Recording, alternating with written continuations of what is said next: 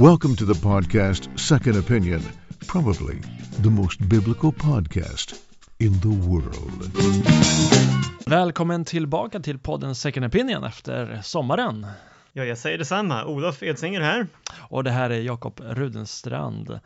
Eh, det, vi, eh, det börjar hetta till sig. Det är inte bara i värmen som det har hettat till sig under den svenska sommaren utan nu hettar det till sig inför, inför valet.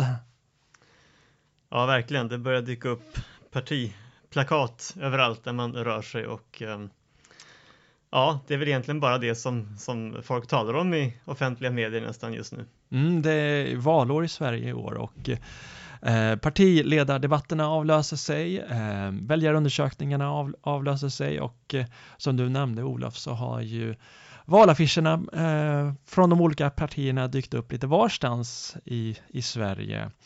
Um, vi ska prata lite mer om, om valet lite senare i podden, men uh, först så bara en liten summering av vad vi har gjort nu under sommaren.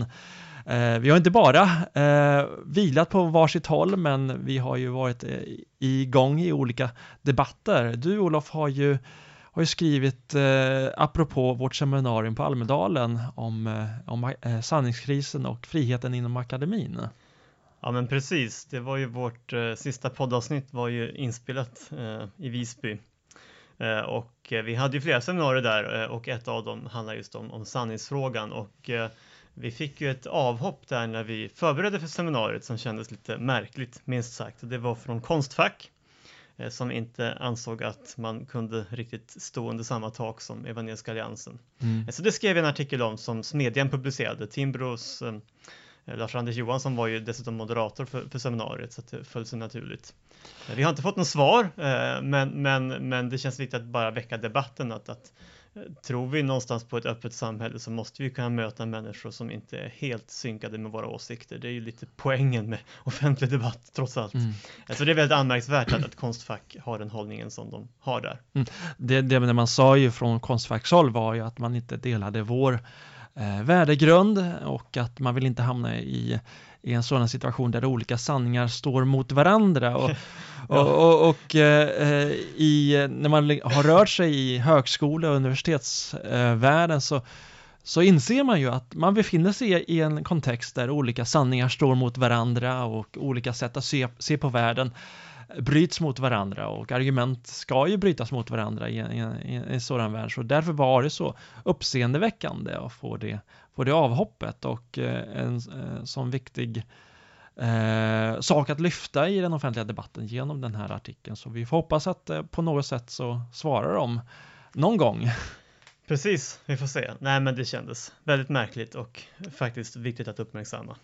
Eh, precis, inte minst på grund av eh, de eh, kristna elever som, som går på högskolan eh, då vi vet att, eh, att det har genom åren strömmat igenom eh, studenter som, som delar eh, våra övertygelser, som delar evangeliskt kristna, som är evangeliskt kristna och eh, ha, eller har andra övertygelser och, och, och, sätta, sätta i den kontexten hur, hur de uppfattar sin eh, sin högskolas roll. Eh, själv så har jag eh, skrivit en debattartikel apropå eh, utrikesminister eh, Margot Wallströms utspel tidigare i somras apropå förföljda kristna. Eh, det var ju väldigt välkommet att dels hon och eh, någon vecka tidigare statsminister Stefan Löfven i sitt Almedalstal markerade mot eh, just förföljelsen av kristna, inte minst kristna flyktingar som, som finns här i Sverige och den utsatthet som de eh, har, i, eh, har liksom utsätts för på svenska flyktingboenden. Eh, det, som sagt, det var väldigt välkommet att de tog bladet från munnen. Mm. Eh, samtidigt så är det ju också eh, ganska så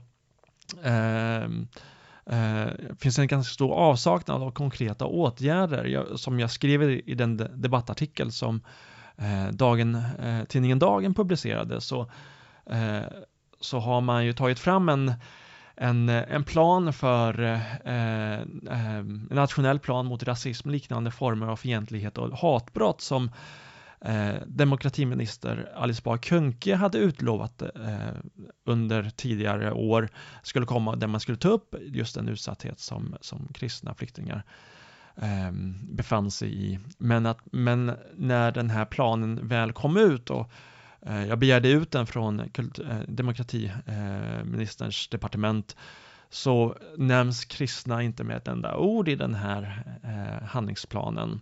Det nämns även om eh, Eh, den eh, statistik från Brottsförebyggande rådet eh, citeras där kristna, hoten och attackerna mot kristna ehm, nämns som den störst ökande brottstypen så för man ingen, inget resonemang kring detta. Och det, därför liksom finns det liksom en, en någon en form av dissonans mellan det man å, å ena sidan säger i, i de här utspelen eh, från, från ministern men eh, i de praktiska åtgärderna så har det funnits väldigt mycket att önska.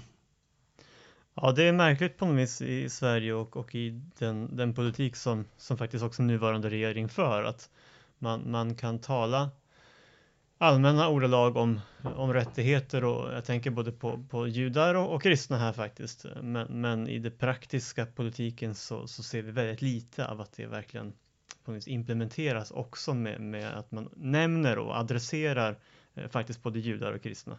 Eh, så att eh, även där behöver vi nog ha lite blåslampan på och mm. bara peka på sådana här orimligheter som det här exemplet att mm.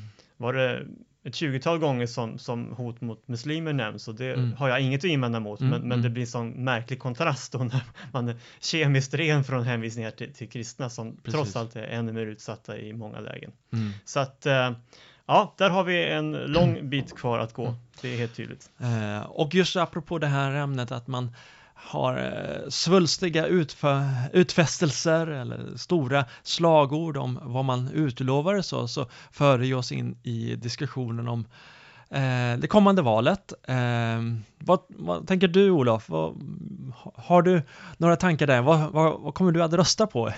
Vill du avslöja det? ja, nej, det har jag väl inte tänkt gå in på, men, men däremot det är ju genuint ut, ovisst utfall eh, och det verkar de flesta vara överens om. Och det är ju eh, oerhört spännande. Eh, lite för spännande kan man på ett sätt tycka. Eh, någonstans handlar det också om att, att kartorna ritas om och vi har ju varit inne på det tidigare också att, mm. att det är lite nya frontlinjer. Självklart mm. finns höger-vänster-skalan kvar i, i någon mening men, men det är inte den som dominerar längre utan det är andra skalor och andra avvägningar. Um, och jag kan sätt tycka att det är spännande. Det handlar också om att vi lever i en ny tid mm. uh, och vi måste någonstans inse det och acceptera det. Eh, förhålla oss till det.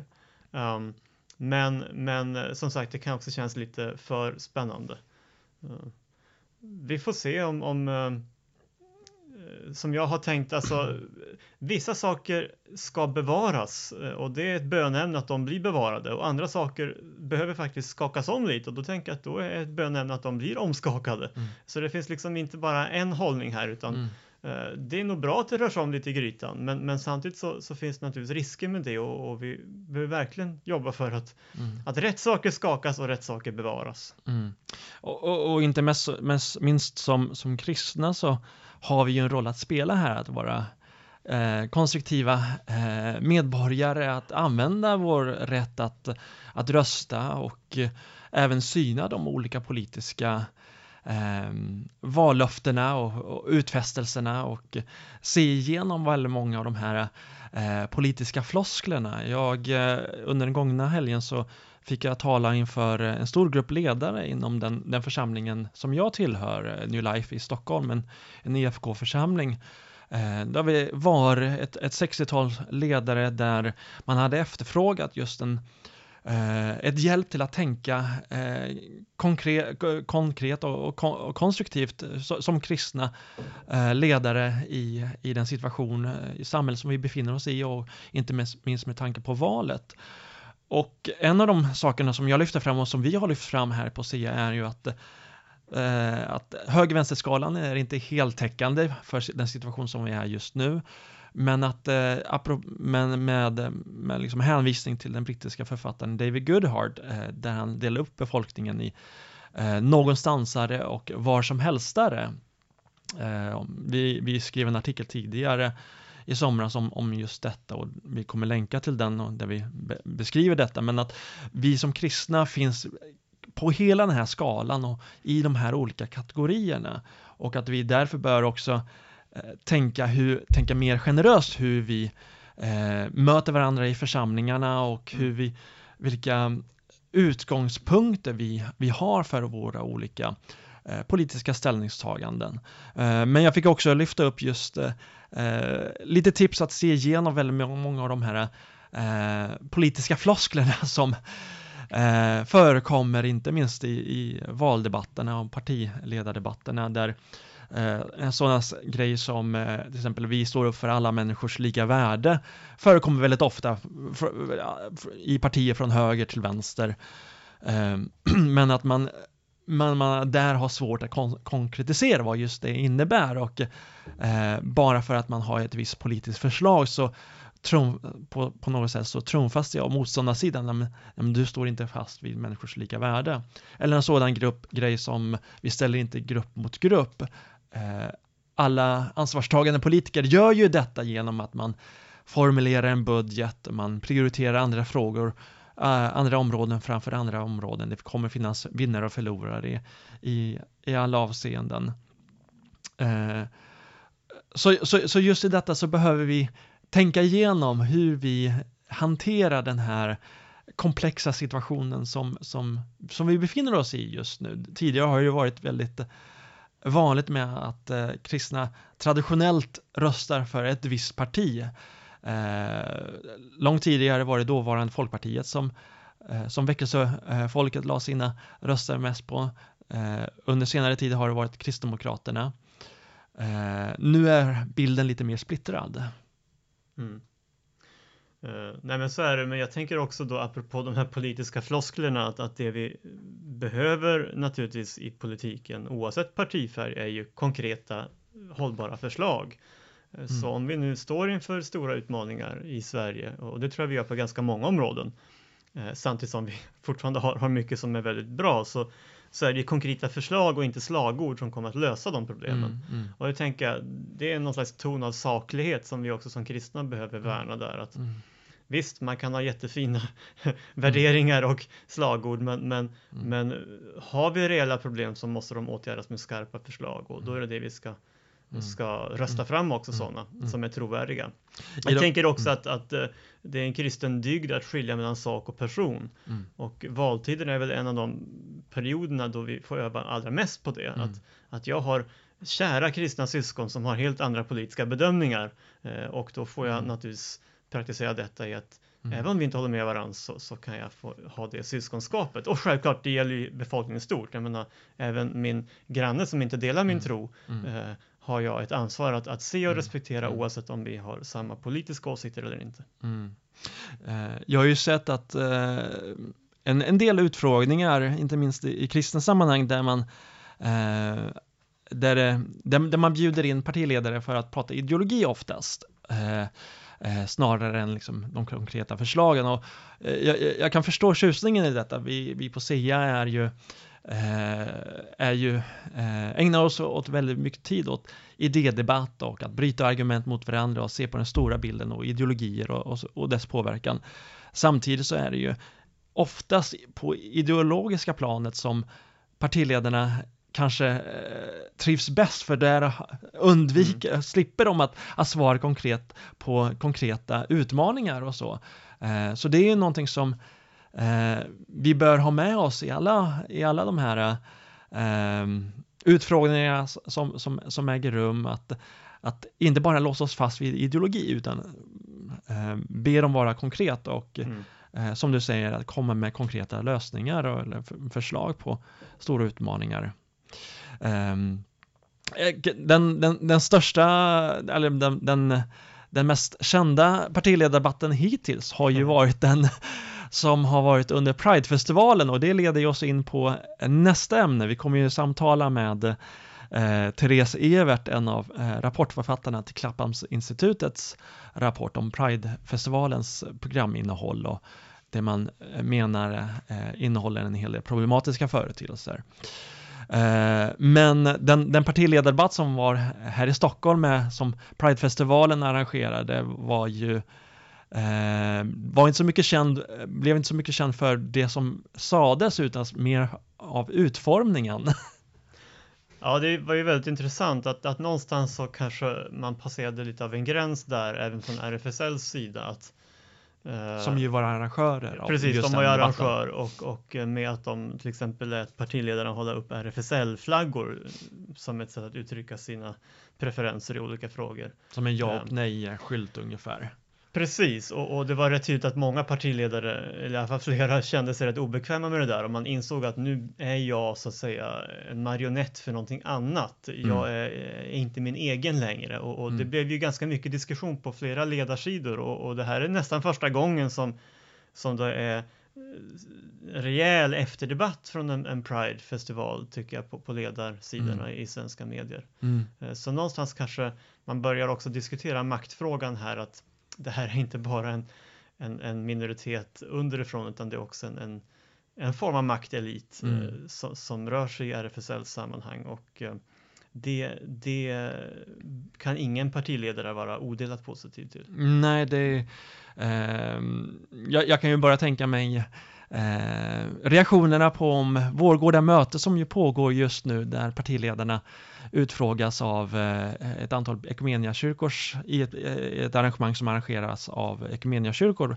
i västra Sverige. Om de hade fått en, en lovsångsflagga med, med texten Jesus är Herre när de ska eh, svara ja eller nej på ett antal ställningstaganden. Och det hade ju väckt reaktioner långt bortom kyrkliga kretsar.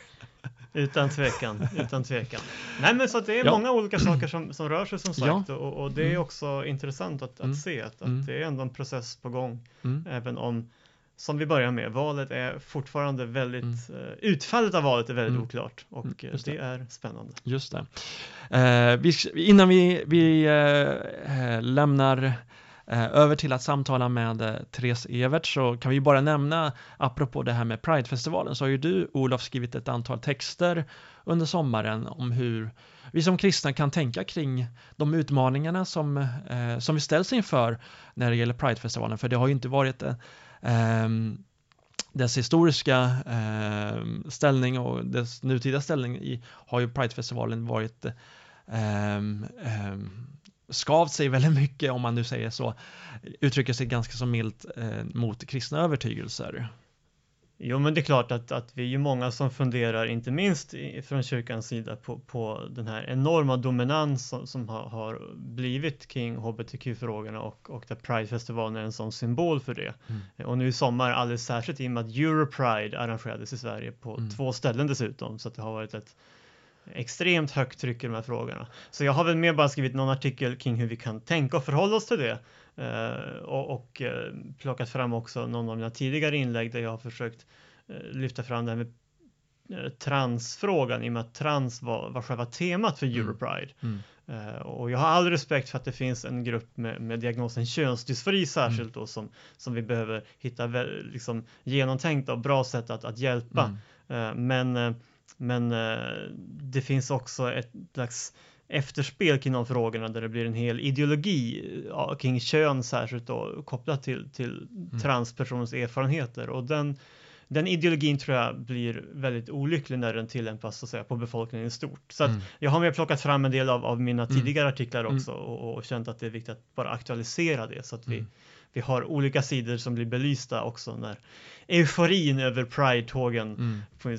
bubblar över hela mm. medielandskapet. Mm. Uh, yes, och de länkar vi såklart i uh, programbeskrivningen beskrivningen till det här poddavsnittet. Men nu ska vi samtala med uh, Therese Evert. The Swedish Evangelical Alliance Christian Faith in the Marketplace Välkommen till podden Second Opinion, Therese. Tack så mycket. Eh, du har ju tillsammans med eh, Bengt Malmgren, Lars-Göran Sundberg och eh, Per Evert, din, din make, skrivit rapporten Det färgglada mörkret. Mm. Som är en granskning av innehållet i Stockholms Pride och dess konsekvenser för folkhälsan. Och när vi spelar in det här samtalet så, så har, pågår ju den stora Europride-festivalen vi har haft i, i Stockholm där där jag sitter just nu och, och skypar, skypar med dig. mm. eh, nere i Forserum och nu fortsätter Europride-festivalen i Göteborg och kommer att fortsätta till den 19 augusti. Så det är, det är en stor händelse i, i, i Sverige kan man ju säga. Um, och, och, och, som vi sa precis innan pausen så, så har det förekommit en hel del diskussioner och debatter kring den, den politiska sidan av, av Pride. Eh, kring mm. eh, partiledardebatter och eh, olika företeelser som, som lutar väldigt starkt åt, åt vänsterhåll som, som en hel del borgerliga debattörer har kritiserat. Men, men mm. ni har ju i er rapport som kom ut eh, i, i våras eh, sagt, eh, satt eh, strålkastarljuset på folkhälsoperspektivet. Varför, varför gjorde ni det? Eh, för mig var det naturligt att ha det perspektivet eh, eftersom jag har jobbat som lärare i många år, som gymnasielärare och, och som skolkurator. Eh, och jag har mm, sett många ungdomar som mår dåligt själv såklart och jobbat med dem och läst mycket rapporter om psykisk ohälsa. Vi vet hur den psykiska ohälsan idag ökar dramatiskt. Sverige ligger i topp, eller i botten kanske man ska säga, bland de nordiska länderna. Och det ökar, vi distanserar oss från dem eh, negativt. Och eh, vi vet egentligen inte vad det beror på. Socialstyrelsen har skrivit många rapporter om detta eh, och skriver att det är oklart exakta orsaker. Men alla myndigheter, Folkhälsomyndigheten och andra som skriver om detta är överens om att vi måste hitta ett gemensamt förhållningssätt, riktlinjer där vi hjälper och förebygger för ungdomarna. Eh, och det var det perspektivet jag hade när jag började titta närmare också på Prides eh, programinnehåll förra sommaren. Eh, då upplevde jag att det fanns en jätte, ett sånt mörker som öppnade upp sig när man började titta på innehållet i till exempel det som kallas för kemsex. Kemsex-seminarium eh, fanns det ett par stycken som bejakar, tycker jag, åtminstone romantiserar och gör, eh, talar positivt om sex i kombination med droger. Um, och jag började titta närmare på det och det visar sig att det är ett jätteproblem. Exempelvis i Storbritannien har det öppnat upp sig en jättestor um, undre värld kan man säga. Där många, många, många unga män sitter fast i, i ett allvarligt drogberoende i kombination med eh, sex då som de där de träffas och de får ingen hjälp mm. som de skulle behöva. Den hjälpen de skulle behöva uteblir eftersom man inte vet om problemet. Och på samma sätt så var det en, eh, detta med självskadebeteende som jag också upplevde fanns med i vissa seminarier på ett bejakande sätt som helt går emot Folkhälsomyndigheten och Socialstyrelsens eh, rekommendationer om hur vi ska arbeta med de här sakerna som vuxna och ansvarstagande. Mm. Eh, kunde ni på något sätt se i, i programbeskrivningarna att man försökte på något sätt problematisera kring, kring eh, självskadebeteende och droganvändning vid eh, eh, sexuella akter? Eh, nej, det upplever jag inte att man gör. Man, jag tycker inte att det känns som att man problematiserar det överhuvudtaget utan att det går i linje med eh, andra seminarier som talar om anarki på olika sätt, eh, olika typer av normlöshet, eh, relationsanarki till exempel också som ett, ett seminarium heter. Eh, att det här med droger och självskadebeteende i kombination med sex är någonting som ska skapa extra njutning, alltså smärta och njutning. Även det här med sadism och BDSM har ju en stor del i, i, i framförallt det som kallas för eh, kinky-kvarteret under Pride men det är också en viktig del av Pride. Det är, inte en bi, det är inte en liten, liten bisak utan det är en ganska central del skulle jag vilja säga. Och det ser man också i seminariernas innehåll. Så, så jag tycker svaret på den frågan är nej. Det mm. publiceras inte. Mm. Och det är precis det som jag tycker är det stora problemet. Mm. Att, att Pride och dess då stödjare i form av både sponsorer men också arrangörer eh, ställer sig utanför det ansvaret som jag menar att alla vi vuxna har i det här samhället. Att hjälpa varandra och stödja varandra att förebygga självskadebeteende till exempel. Det finns så tydliga riktlinjer och rekommendationer att utgå ifrån och det ignorerar man totalt tycker jag. På ett sätt som är respektlöst mot ungdomarna själva. Och det är också intressant för det finns till exempel en stor attitydundersökning kring eh, sexualitet och hälsa som heter UNCAB som görs med jämna mellanrum. Den senaste kom förra året. Ehm, UNCAB 15 heter den och den som kom tidigare var från 09. Och där är det också väldigt, väldigt tydligt att ungdomarna själva dels kopplar ihop sex och kärlek eh, och gör det på ett naturligt sätt. Vilket man där då problematiserar i analysen, eh, Eh, de som kommenterar den här eh, undersökningen. Genom att, genom att skriva att ja, ungdomarna de sitter ju fast i eh, eh, kärleksideologin eller det romantiska kärlekskomplexet och att det är någonting som håller på att förändras ändå. Som att det skulle vara någonting positivt. Att utvecklingen går mot att vi skiljer mer och mer på sex och kärlek. Vilket ungdomarna själva inte gör. Och samma sak att deras största, eh, deras prioriterade fråga är hur får man en relation att hålla? Eh, vilket är de frågorna som vi skulle behöva jobba med ungdomarna med istället för att ha till exempel seminarier som handlar om relationsanarki. Mm. Där det står att tvåsamhetsnormen är viktig, viktig att man ifrågasätter. Mm. Eh, och, och, det tycker jag är också någonting som är, det går stick i stäv med ungdomarnas egna behov. Mm. mm. Du, du, du, ditt fokus är ju väldigt starkt på, på ungdomar och, och, skolelever och så eftersom du jobbar ju själv som, mm. som, som, skolkurator. Var det i samband med, med skolans värld som var det i skolsammanhang som du började titta just på Pride-programmet? Eh, ja, egentligen inte. För att var, när jag var skolkurator för några år sedan då var det snarare eh, RFSUs eh, skolmaterial som jag tittade på då. Eh, och ehm, eh, redan där reagerade jag starkt på att man eh, ja, frångick elevernas egna behov eh, av att få veta till exempel hur man får en relation att hålla, prata relation, prata ansvar, eh, allt sådant som också är skolans uppdrag. Eh, men det hänger ihop lite grann med, i förlängningen blev det då att när jag tittade, såg Pride-programmet förra året så kände jag att det krokade i mycket av det problemet jag ser med, med RFSUs mm. material, skolmaterial. Det är mycket som går liksom hand i hand där. Mm. Så, du ser, så det du har sett är att det finns en väldigt tydlig diskrepans mellan det, den Eh, den idealbild som, som framhölls på, framhålls på många av de seminarier som, som mm. förekommer på, på Pridefestivalen med det som Folkhälsoinstitutet eh, och eh, Socialstyrelsen mm. lyfter fram som, som viktiga frågor att behöva arbeta med. Som, att det går stick i stäv på många sätt där. Ja. Du, du, du var ju inne lite grann på just det ansvar som ligger på många av de sponsorer och eh, aktörer som, som eh, supportar Pridefestivalen i, i, just tron om att här är en festival som, som eh, bejakar alla människors lika värde, som ställer sig bakom människors frihet att eh, kunna vara den, den de är och älska den de är. Och det är någonting som som eh, många i Sverige skulle kunna eh, stämma in i liksom, och tycka att det här mm. i grunden är något gott, att vi vill ha ett öppet och, och fritt samhälle. Eh, samtidigt så, så förekommer just de här programpunkterna som, som du beskriver som eh, inte eh, marginella företeelser mm. i, i, i Pridefestivalen. Där, mm. man, som, där eh, går väldigt mycket emot det som man eh, från Socialstyrelsen till exempel och kommunen mm. och landstingen vill, eh, vill arbeta för. Um, Nej, precis. Ja. Jag tycker att det är ett problem att när man ser till exempel att man aktivt arbetar för att legalisera prostitution eller sexköp då.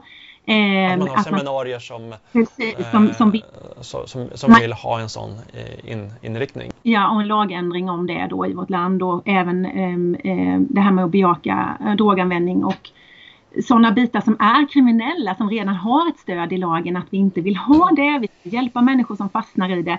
Och och, och jag tycker att det blir så dumt därför att vi har tydlig forskning kring det, vi har tydliga lagar kring det.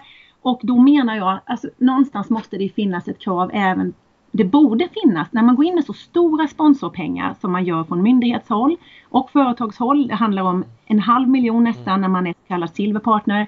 Det är en miljon nästan när man är goldpartner och under det så är det olika nivåer då på eh, det är alltså per år vi pratar om så det är enorma summor som kommer in. Och då tycker man ju att det borde vara någon slags villkor kring de här från sponsorernas sida gentemot Pride. Mm. Vad, är, vad står vi för när vi, när vi sponsrar Pride? då ingår de här sakerna och då borde det vara, eftersom det inte är en marginell företeelse som en del vill få det till, utan en ganska central del, att man vill ändra lagen på de här områdena till exempel, eh, så tycker jag att det borde vara rimligt att man som myndighet kräver någonting tillbaka. Mm. Men det känns lite som att Pride är, det är en helig ko på något sätt. Det har varit eh, lite kejsarens nya kläder av, av det, över det hela. Att man står runt och, och, bara applåderar och viftar med flaggor. Vilket är bra. Människovärde är bra. Allas lika värde är en självklarhet i vår demokrati. Men eftersom det innehåller saker som mm. också är ett problem, inte minst för folkhälsan då, så tycker jag att man sviker individer genom att inte ifrågasätta de inslagen som är av så destruktiv karaktär. Mm. Ja, ja, när, man, när man tittar på hemsidan för eh, Stockholm Pride och, och eh, Europride som, som eh, mm. är eh, årets tema eller årets inriktning så, så ser, man ju att det, till exempel Stockholm, eh, Stockholms stad som är eh, mm. guldpartner eller goldpartner mm. och så Försäkringskassan som är silverpartner. Mm, Arbetsförmedlingen har, eh, har, har också den, eh, den statusen och flera olika företag eh, som, mm. som är med som sponsorer och så. Ehm, här är det ju väldigt mycket skattepengar som, som knuffas in i, i det här sammanhanget som, eh, ja. så, så, som du nämner som eh, är eh, problematiska utifrån en folkhälsoperspektiv och som många av de här myndighet, många myndigheter vill motverka. Ja, absolut.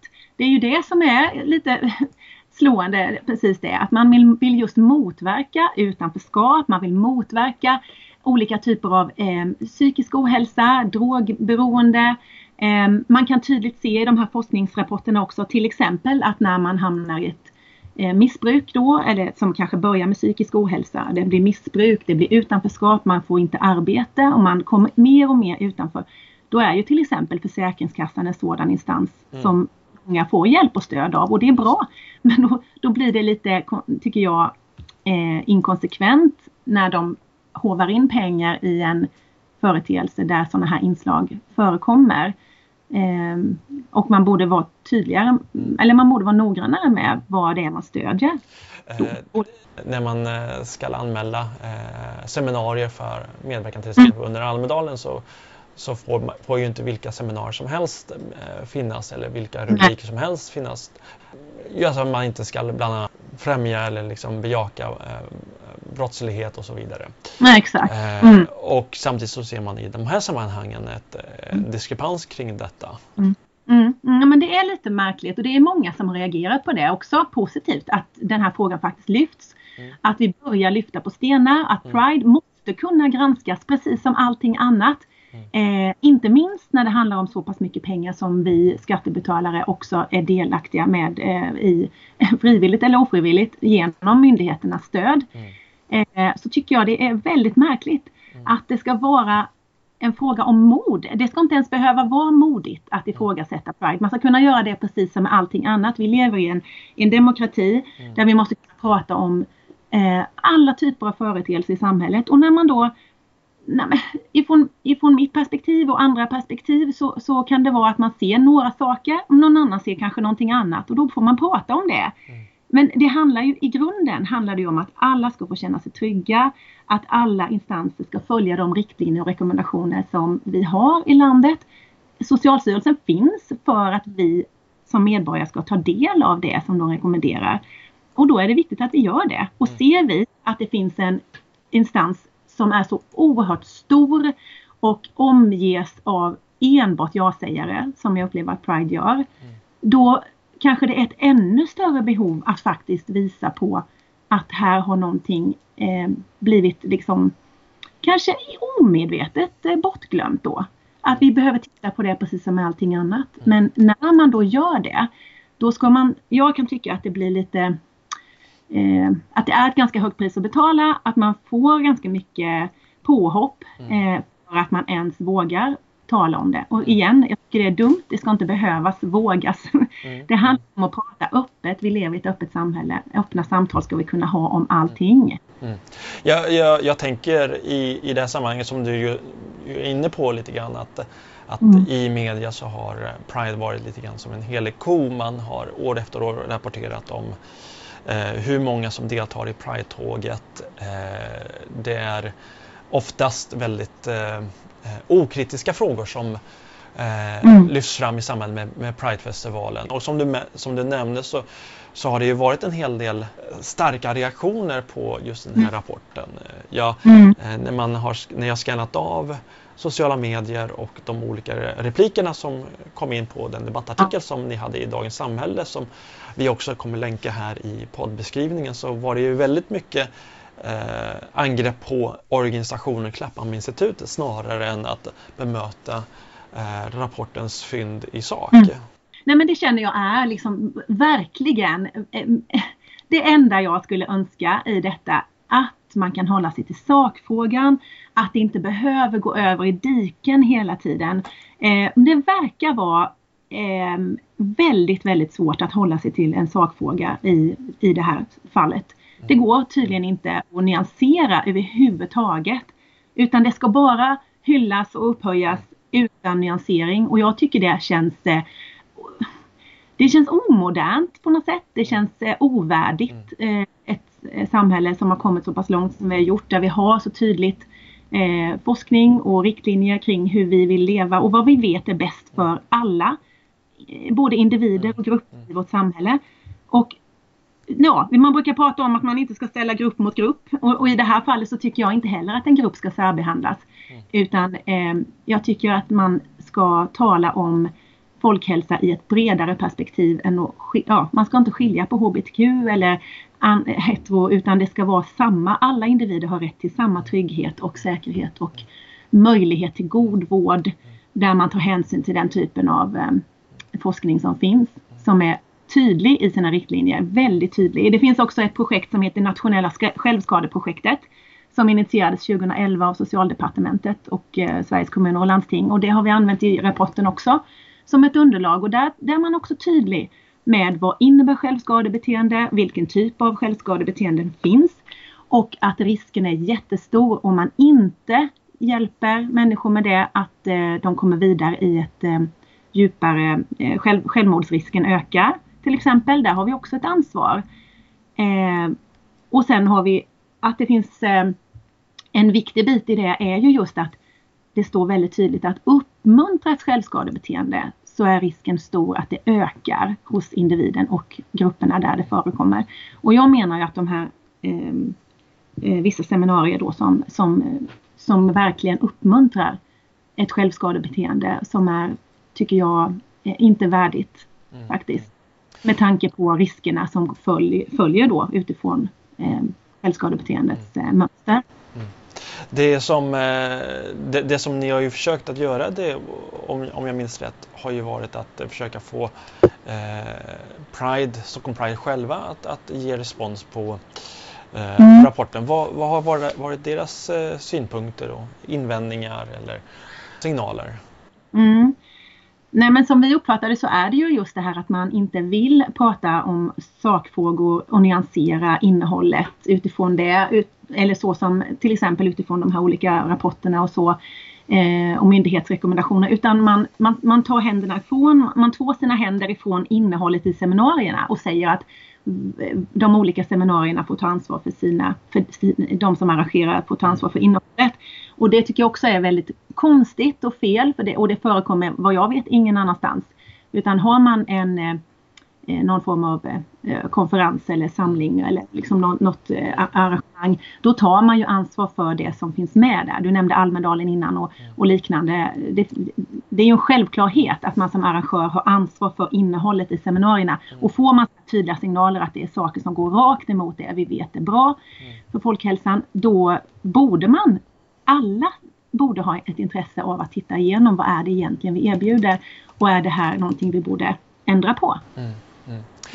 Eh, det har ju varit, man har ju varit väldigt tydliga eh, åt andra håll eh, i, rent mot politiska grupperingar som Medborgerlig mm. Samling och, och Sverigedemokraterna att, att eftersom man menar att de inte vill delar Prides värdegrund så får de inte förekomma som, som utställare.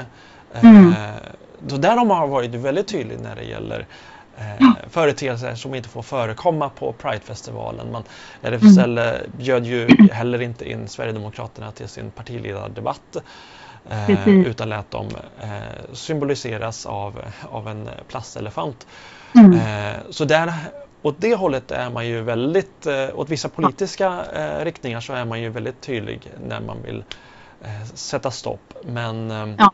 Inte när det gäller Eh, de här seminarierna som bejakar de här problematiska företeelserna som du är inne på. Nej, Nej det verkar som att man liksom från början har bestämt eh, vad, som är, vad man tillåter och inte och att när det går ut utanför det egna, den egna zonen då så är det inte välkommet och för mig är det inte tolerant. Nej. Det är antitolerant och det är verkligen eh, jättekonstigt för det är precis tvärtom mot det de själva säger sig stå för.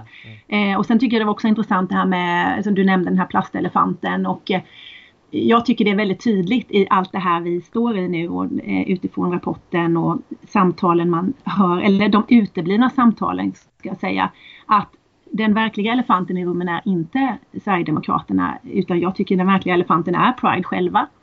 Mm. Eh, det är den som är elefanten i rummet som man inte får prata om. Eh, mm. det är så jag uppfattar det i alla fall. Mm.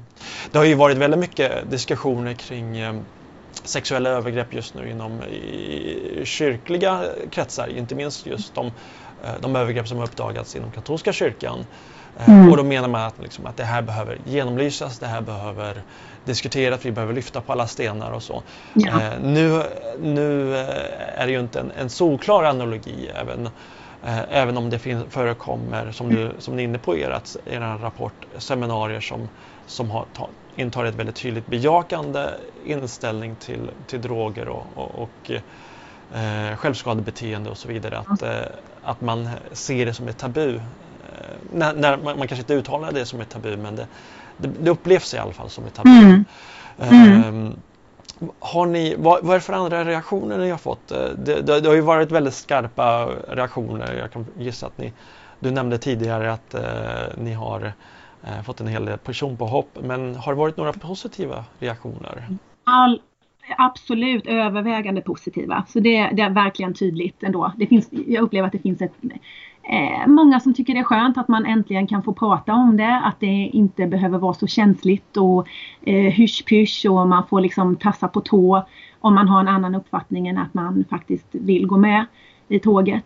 Eh, om man inte vill det så har man kanske inte riktigt vågat säga det rakt ut. Ehm, så att de övervägande positivt och, och jag, jag, säger igen att det, det handlar egentligen inte så mycket om Prides vara eller inte vara. Eh, utan det handlar faktiskt om att kunna tala om saker på ett öppet sätt och att människor måste få välja själva vad de tycker är bra och vad de inte tycker är bra. Och väljer man att sponsra som företag med så pass mycket pengar som det handlar om så behöver man också förklara i så fall vad är det jag tycker är bra. Och när man då får information om vissa saker som går så rakt emot både lagar och eh, rekommendationer från folkhälsan så borde man ju faktiskt fundera på om man vill göra samma insats nästa mm. år. Mm. Faktiskt. Mm. mm. Det är ju det är väldigt intressanta frågor och det väcker ju flera följdfrågor men vi har, eh, eh vi har snart slut på tiden här på det här poddavsnittet. Men mm. man kan ju säga att vi kan ju säga att, att den här rapporten går ju att ladda ner på Klappholmsinstitutets hemsida och vi, vi kommer länka till rapporten eh, och det seminarium som, som ni arrangerade i samband med rapportsläppet eh, på, här i poddbeskrivningen och så. Är det något mer du, du känner att du vill skicka med eh, lyssnarna eh, innan vi avslutar? Eh, nej, det är väl egentligen bara det att att vi, vi alla behöver fortsätta prata om saker på ett öppet sätt och att man när man har någonting, ett perspektiv som man kommer med så är det viktigt att man låter varandra tala utifrån sakfrågan och inte gå in med personliga påhopp. För det tror jag tyvärr kommer minska chansen att, att fler kommer vilja prata om känsliga bitar i vårt samhälle. Vi måste kunna ge varandra det utrymmet och eh, för att fortsätta behålla ett öppet samhälle som vi alla vill ha. Eh, och jag tycker också det är jätteviktigt att vi följer rekommendationer från den, en, en forskning som är så pass eh, eh, välgrundad som vi ser hos Folkhälsomyndigheten till exempel som finns tillgänglig för alla som vill ha ett bättre samhälle och det tror jag vi vill allihop. Mm. Ja, tack så jättemycket Therese mm. Evert för, för din medverkan här i podden. Tack snälla. Welcome to the podcast Second Opinion. When thinking is better than feeling.